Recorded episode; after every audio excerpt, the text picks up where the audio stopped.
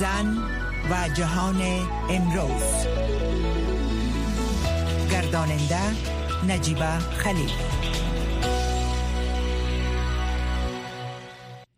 شنوندگان محترم خواهران عزیز سلام. امید صحت و سلامت باشین و هفته خوبی را پشت سر گذاشته باشین. نجیب خلیل هستم. روز دوشنبه یعنی روز گذشته روز جهانی مطبوعات بود. به همین مناسبت برنامه امشب در مورد چگونگی وضعیت خبرنگاران با خصوص خبرنگاران زن اختصاص دادیم. در برنامه امشب از خانم نجیبه ایوبی عامر عمومی کلید گروپ دعوت کردیم که با ما این مورد صحبت کنند و همچنان صحبت با معصوم حیدری گزارشگر ما در ولایت هرات خواهیم داشت اما پس از یک وقفه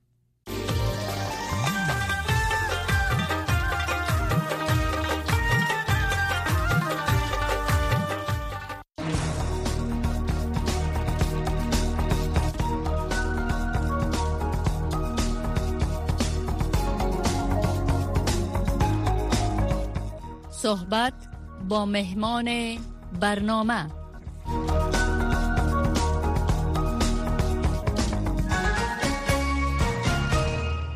نجیبه جان محترم سلام به شما. خوش آمدین به برنامه جهان زن برنامه خودتان. خوش باشین خانم خلیل یک جان ممنون. سلام عرض می‌کنم خدمت شما و شنوندای محترم رادیو دیروز روز جهانی آزادی مطبوعات بود. البته نگرانی ها در مورد عدم امنیت در افغانستان موجود است. با توجه به این امر وضعیت امنیتی در مجموع چی تأثیرات را روی فعالیت های گزارشگران زن به خصوص به جا گذاشته؟ خب طوری که شما فرمودین وضعیت امنیتی در کل خوب نیست. نه اینکه امروز بد بوده بلکه در جریان تقریبا 15 16 سال گذشته اوضاع اوضاع بسامانی نبوده پیوسته مشکلات امنیتی تهدید کرده مردم و بخصوص ژورنالیست ها و الان خصوص ژورنالیست های این مشکلات متاسفانه وجود داره ولی در این اواخر این مشکلات روز افزون و هر روز مثل روز دیگر ما با مشکلات عدیده روبرو میشیم. شما در جریان هستیم که در سال یعنی سال جاری 1399 سال گذشته 1399 چهار نفر از همکارای زن ما در نگرهار از دست دادیم. این وضعیت زنها را بیشتر از هر زمان دیگه نشان میده که فشار مثلا مشکلات امنیتی بالای زنان و بخصوص بالای زنان یوردانرس رو در است. علاوه به این تاثیرات منفی که می‌تونه ناامنی داشته باشه یکی در کل سر روند کاری یک رسانه در مجموع. ولی در قسمت زنان که می‌رسه باز این مشکلات یعنی به صلاح بندی میشه. اولی که زنان با مشکل تهدید و مشکلات امنیتی مواجه می باشند قسمی که شما دیدین یعنی جانشان دیگر در امن نیست و وقتی جانشان در امن نبود معلوم دارد که تحت یک فشار مضاعف علاوه از فشار کاری یک فشار امنیتی هم روی شانه و روانشان به صلاح گرنگی می‌کنه و کار خود از زیر یک فشار انجام می‌کنه و کیفیت کاری که زیر فشارهای متعدد انجام میشه طبیعتا بسیار مناسب و بسیار به دلخواه نیست بله دوم رفتن و بیرون رفتن یا بسیار گریز ژورنالیستان زن از فضای ناامن فیلی افغانستان است. ما حداقل در ظرف چند ماه گذشته 16 نفر از ژورنالیستان توانای زن در افغانستان از دست دادیم با, با ایمنا که از افغانستان بیرون رفتن و دیگه در فضای رسانه افغانستان اینا فعال نیستن ما دوصد زن دیگه که عملا در کار رسانه‌ای هم در رادیو تلویزیون و رسانه های چاپی مصروف کار بودن و رسانه های آنلاین اینا را ما از دست دادیم به این معنا که دیگه اینا کارمند رسانه‌ای نیستن بعضیشان شغل خود عوض کردن و خیلی هایشان هم زیر فشار خانواده هایشان رفتن به خانه شیشتن تمام از این که کنار هم شما بگذاریم. طبیعتا اول که توازن جنسیتی را در یک رسانه به هم می‌زنه دوم که نمایندگی یا به صدای نصف نفوس جامعه در رسانه ها کم میشه.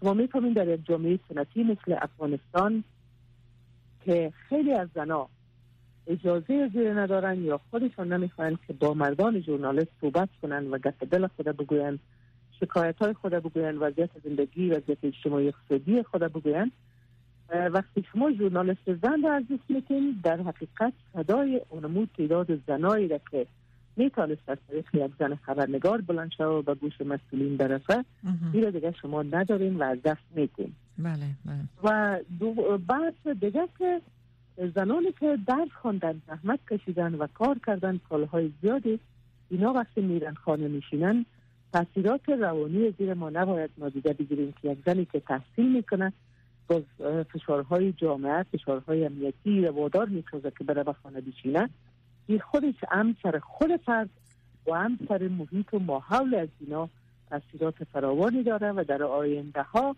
خیش قوم از اینا هر کسی که اینا رو می‌شناسم زن و دختر خود اجازه نمیتن که اینا برن در رشته ژورنالیسم درس بخوانن به خاطر ذکر میگه نگاه کو با فلانی و خیرف درس هم خون بله. بالاخره حالا در خانه شده. نجیب جان محترم. یعنی در مجموع تاثیرات منفی وضعیت امنیت شما پیشتر به تهدید البته سوالایی که ما داشتم یک مقدارش شما پاسخ گفتین. به تهدید اشاره کردین. معلوم دار اوضاع امنیتی تاثیر گذار است. اما آیا خبرنگارای زن گزارشگرای زن که شما همراهشان تماس گرفتین یا اونا همراهتان تماس گرفتن از تهدید صحبت کردن چی نوع تهدید و از طرف کی تهدید شدن؟ ببینیم یکی بحث از که روزانه شما در کار خبررسانی و خبرنگاری وقتی هستین و با یک عده از ژورنالیستان زن کار می‌کنیم در گروه ما تقریبا 40 درصد کارمندای ما رو زنان تشکیل میتن وقتی شما با اینا در بسلا تعامل هستین و روزانه صحبت می‌کنیم همگیشان یکی وضعیت عمومی است که شکایت دارن دوم تهدیدات کشتارهای هدفمندی که در چند ماه گذشته در افغانستان بوده کشتار چهار نفر ژورنالیست های زن در ولایت ننگرهار و تهدیدات تلفنی تهدیدات پیام تلفنی وقتی که به یده از زنامه معنیشی است که تمام زیاد تهدید است. ولی ما ایره شنیدیم و شما با هر زن خبرنگاری که بزنیم حتما یا خودش یا دوستش یا یکی از همکاراش مورد تهدید قرار گرفته ولی که باز هم ایده با قهرمانی با پذیرش امی که امی مسلک انتخاب کردن و راهی جزی نیست که ادامه بتن به کار خود می‌پردازند از نظر من اینا قهرمانایی هستند که وفادار به مردم افغانستان و وفادار به ارزش های آزادی بیان و گردش معلومات. شما از توازن جنسیتی صحبت کردین. البته این تهدیدات تنها علیه خانم ها نیست. مردها هم تهدید میشن. مردها هم رها کردن کارهای خود همونطور که شما اشاره کردین. گناه هم یک تعدادشان یک تعداد زیادشان قرار که شنیده شده. اینا وظایف خود ترک کردن و مورد تهدید قرار گرفتن. بله؟ بله بله. این خطکشی میان زن و مرد نشده. ولی یک چیزی رو فراموش نکنین. مردای افغانستان اکثرا تصمیم در نهایت خودشان هستند. اگر تغییر مسلک می‌کنن اگر ترک مسلک می‌کنن اگر میرن به عوض کار رسمی و کار رسانه‌ای یا کار حکومتی یا هر کار دیگه میرن مثلا به یک کار شخصی روی میرن این آزادی ها را دارن. ولی برای زنان فضا محدودتر است. اکثرا زنان زیر فشارهای خانوادهشان کار خود از دست میدن. ما می‌شناسم خبرنگارایی را از نزدیک با ایشان صحبت هم کردیم. که خانوادهشان دیگه اجازهشان نداد که به کار خود ادامه بدن ما می‌شناسم زنان خبرنگاری را که مثلا در رشته گزارش تحقیقی کار می‌کرد و می‌کردن و خیلی هم موفق بودن. ولی خانواده هایشان به خاطر امو حساسیت هایی که تولید گزارش های تحقیقی داره اینا را مانع شدن و ازشان خواستن که باید ساحه کاری خود تغییر بدن. و اینا آمدن استیفای خود پیش کردن بعد از که ما دیگه در گزارش تحقیق کار نمی کنیم اگر در یک ساحه دیگه برای ما کار است و اگر نیست ما کاملا ترک مسلک می کنیم ایتون مسائل یعنی در قسمت زنا خیلی وقت خانواده ها و فشار خانواده ها خصوص مردان خانواده که او خیلی هم ممکن است از لحاظ تشویش هایی باشه که به خاطر زن و دختر خودشان می‌کنن مسائل به غیرت و ایدفا اینا مانع میشن و زنان این توانایی را به خیلی از مواقع ندارن که خلاف تصمیم خانواده هایشان یا خلاف اراده خانواده هایشان تصمیم بگیرن. بله. ناچار که به همون چیزی که میگن تن درست. شما از گزارش های تحقیقی صحبت کردین. قبلا هم شنیده شده که خبرنگارایی که یا گزارشگرایی که اینا گزارش های تحقیقی را کار کردن رویش به شکلی از اشکال اینا مورد تهدید قرار گرفتن. و خانم هایی که مواجه شدن به تهدیدها و همچنان فشار از طرف خانواده ها همونطور که شما گفتین کارهای خود از دست میتن این بر از اینا زمینه کاریابی دیگه نه و کاریابی در رشته های دیگه. چقدر مساعد است؟ چقدر امکانش هست که اینا بتونن باز خب شما ما میزان بیکاری را در افغانستان می‌فهمیم که تا چی ما امروز ده ها دکتر صدها ماستر و هزاران لیسانسی داریم که فارغ شدن تحصیلات خود خلاص کردن بله. چی در داخل و چی در خارج کشور ولی هنوز بیکار هستند در یک مورد اداره ما برای چند نفر گارد ما اعلان داده بودیم. شما باور کنید وقتی که جمع شد چهار نفر master apply کرده بود به وظیفه گارد. این بسیار در همون زمان اقل دو سال پیش بود بسیار بر ما دردآور بود که جوانی که میره master ی می‌گیره باز میره بالاخره مجبور میشه یعنی فشار روزگار و فشار اقتصادی رو وادار می‌کنه که بره در position guard apply بکنه. در این شرایط ممکن که این زنان هیچ گاهی به صاحب کار نشوند و اگر تلاش هم بکنن که برن مثلا به خود خانواده معلم شوند معلم بودن هم و معلم شدن هم در شرایط حاضر کار ساده نیست و بدون شک زیاد از اینا بیکار میمانند و این واقعا از نظر من یک به صلاح حیث کلانه یک چیز دیگر رو می‌خواستم بپرسم که تهدیدهایی که صورت می‌گیره مشخص است معمولا از طرف کیس از طرف کدام گروه هاست؟ طالبا چقدر نقش داره دی, دی تهدیدها؟ ببینید یک یک شرایط گنگ حکم فرماست متاسفانه در افغانستان. مثلا ژورنالیست یا یک فعال مدنی یا هر کس دیگه از شهروند عادی کشته میشه. هیچ کس مسئولیت نمی‌گیره. این سال جنگ در افغانستان اتفاقات زیادی را به رقم داده یا خیلی چیزها را تغییر داده. مثلا خیلی جایا انتخاب های شخصی رول داره که کشته میشه. خیلی جایا از طرف مخالفین. بسیاری وقتا به خاطر از که کشتن افراد محبوب و مثلا کسانی که پیش مردم و پیش ملت محبوب هستن کشتن زیاد سر و را بالا می‌کنه و به نفع یک گروه یا یک طرف تمام میشه یا انجام میشه. ولی ما داریم تهدیدهایی بوده که وقتی اینا تهدید تلفنی کردن حتی نمبر تلفنشان هم آمده. ولی متاسفانه باید گفت که از طرف نهادهای حکومتی این مسائل بسیار زود بررسی نمیشه. هرچند که وقتی شکایت داده میشه. وقتی که نمبر تلفن معلومه شد اقل یک اداره امنیتی چی پلیسی امنیتی ملی باید اقل یا اکثر در نهایت در نهایت در 24 ساعت باید نتیجه زور پیدا کنه یا نفر گرفتار شوه یا بالاخره پیدا شوه. ولی همچی چیزی متاسفانه نیست. در یک مورد اخیر که ما یک مورد خبر دارم که یک هفته شده چند نفر تهدید شده. نمبر داده شده شکایت داده شده نامه داده شده تا به امنیت ملی. ولی تا به حال هیچ گونه اطلاعی در مورد از او تهدید یا هیچ گونه تماس یا هیچ گونه کاری صورت نگرفته. این دفعه باعث نگرانی تمام جورنالیست ها به خصوص زناست و واقعا یک وضعیت ناجوری است که نگرانی روز به روز نفرش نجیب جان ایوبی جهان سپاس از که وقتتان در اختیار برنامه جهان زن برنامه خودتان گذاشتین.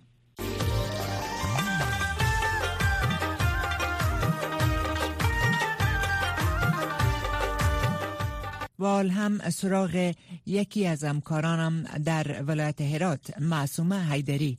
می و می بینیم که وضعیت برای خانم های خبرنگار در ولایت هرات از چی قرار است. معصومه جان محترم سلام. خوش آمدی به برنامه جهان زن برنامه خودت. تشکر شما لطف دارید من سلام. خدمت شما با تمام شنوندای عزیز.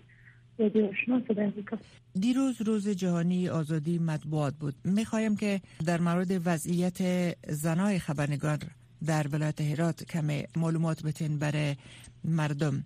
وضعیت از چه قرار است؟ شما من خبرنگار زن چقدر خود اول دوجه مسئول احساس می‌کنین در حال حاضر؟ آنه که گفتین دیروز با من روز جامعه آزادی مجموعات بود. متاسفانه به دلایل مشکلات کرونا و همچنین مشکلات امنیتی. از این روز آنچنان که باید مثل سالهای گذشته تقدیر صورت نگرفت و یک از نگرانی های اصلی تمام خبرنگاران در کل هم مرد و همزانی هست که با خروج نیروهای خارجی آزادی بیان که در این چند دهه به وجود آمده و رسانه های زیادی روی کار آمدن کار می‌کنن از بین نرده یا محدود نشه. مثلا من خبرنگاران زن هم شامل ازی هستن.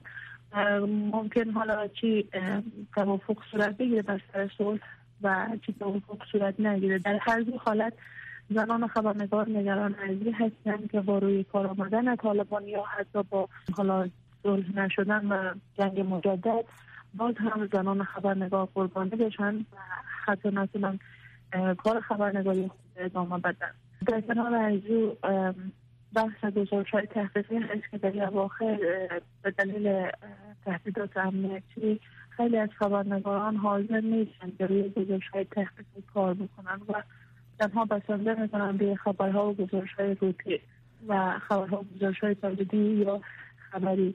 مسلما خبر گزارش های تحقیقی افشاگری داره و بحث افشاگری تهدیدات بلند می‌بره برای خبرنگاران در همین زمینه هم حتی مردهای خبرنگار که خانم های خبرنگار هم حاضر نیستن که جان خود به خطر بندازن و گزارش تقدیر کنن درست. شما گفتین که تقدیر صورت نگرفت امسال در مقایسه با سالهای گذشته و یک سوال دیگه مرا شما پاسخ گفتین که مخصوصا سر گزارش های یا خبرهای تحقیقی رو گفتین برای که اگر چون این کار را ادامه بتن مورد تهدید قرار می گیرن اما در مجموع خودتان از خود اگر صحبت کنین که آیا سر چگونگی خبرنگاری شما تاثیر گذار بوده ای عدم امنیت آیا تهدید شده نشده تا حاله؟ که وقتی یک خبر پخش میشه که چیزی پخش میشه که حتی در دیگه هم خبرنگاران مورد تحصیل قرار گرفتن یا حتی در این اواخر ما داشتیم در این چهار ماه گذشته خبرنگارانی که به قتل رسیدن کشته شدن همین برای دیگه خبرنگاران می‌تونه ترس به وجود بیاره. من هم مثل دیگه خبرنگاران همه ترس در به وجود آمد که وقتی چنین اتفاق برای دیگه خبرنگار به وجود میاد ممکن من هم مورد هدف قرار بگیرم. ممکن من هم مورد سرقت قرار بگیرم. همین باعث از میشه که روی کار خبرنگاران تاثیر بگذاره. و نتونن به اون صورتی که باید کار خود ادامه بدن. در کنار از خب همین ترس باعث از میشه که کار ما شاید آرقم که باید انجام نگیره و به حال معروف خیلی از خبرنگارا در اواخر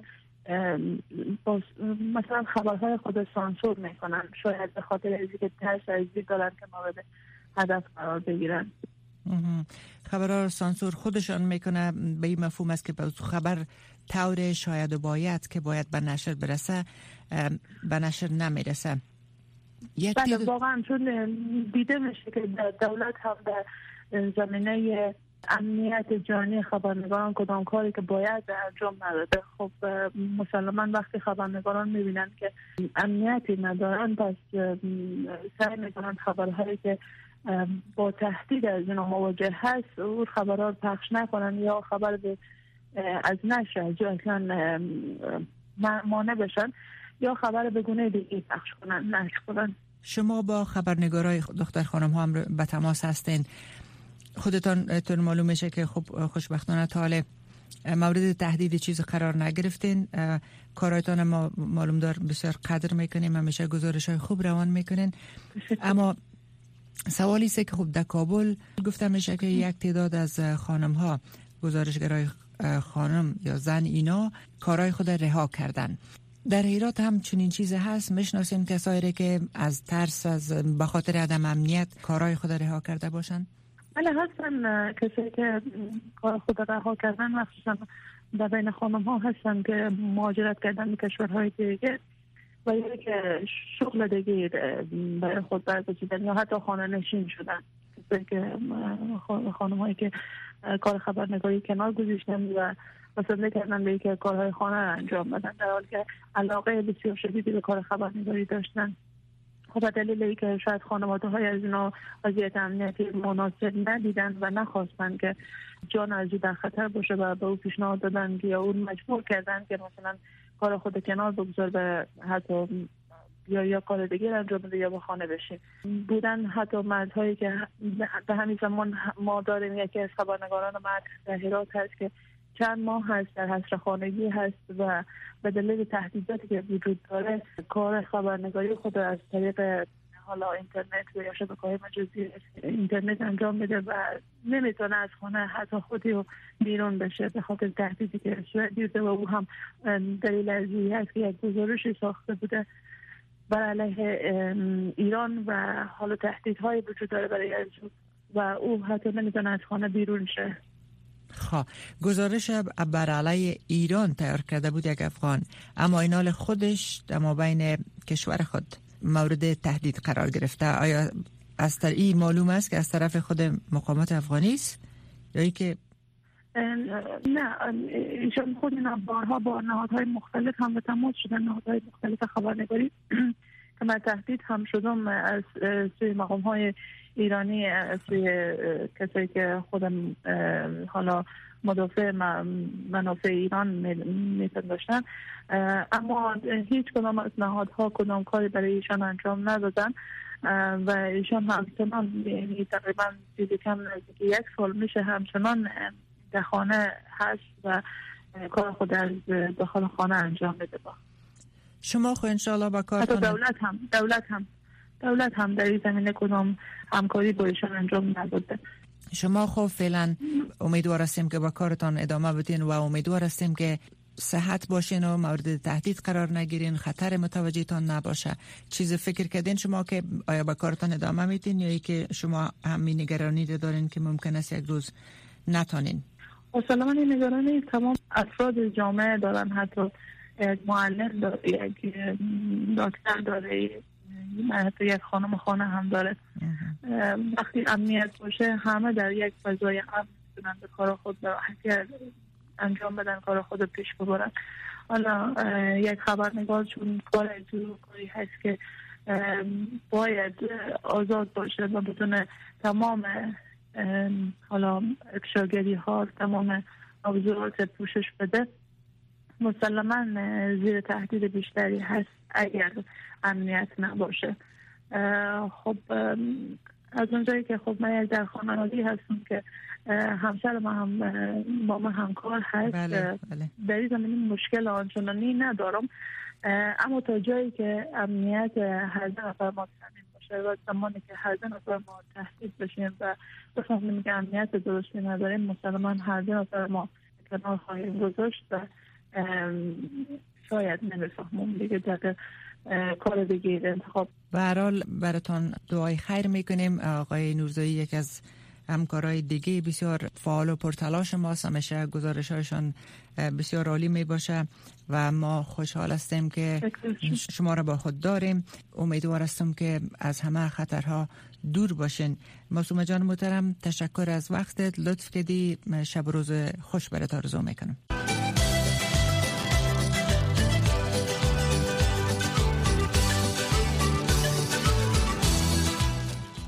دانستنی ها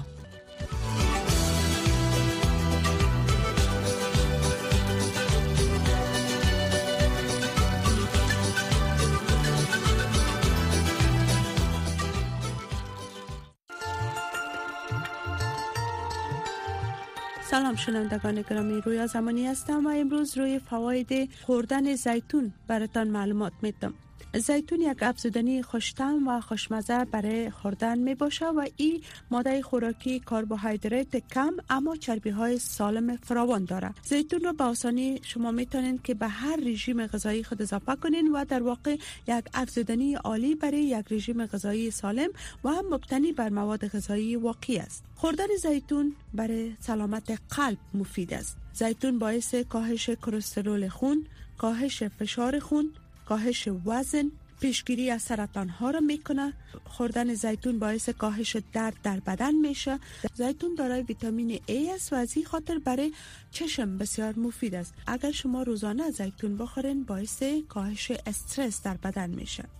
جلوگیری از لخته شدن خون می‌کنه. خوردن زیتون باعث ارتقای سیستم ایمنی در بدن می شود تقویه کننده قوای جنسی است. و افزایش دهنده حافظه انسان می باشد. پیشگیری از زخم میده می کند و همچنان تقویه کننده مفاصل و استخوان است. بهبود سلامت پوست مو می باشد. زیرا زیتون ها حاوی اسیدهای چرب و انتی اکسیدان هایی است که می تواند به تغذیه و محافظت از پوست کمک کند. خب شنوندگان گرامی با امید صحت و سلامتی شما.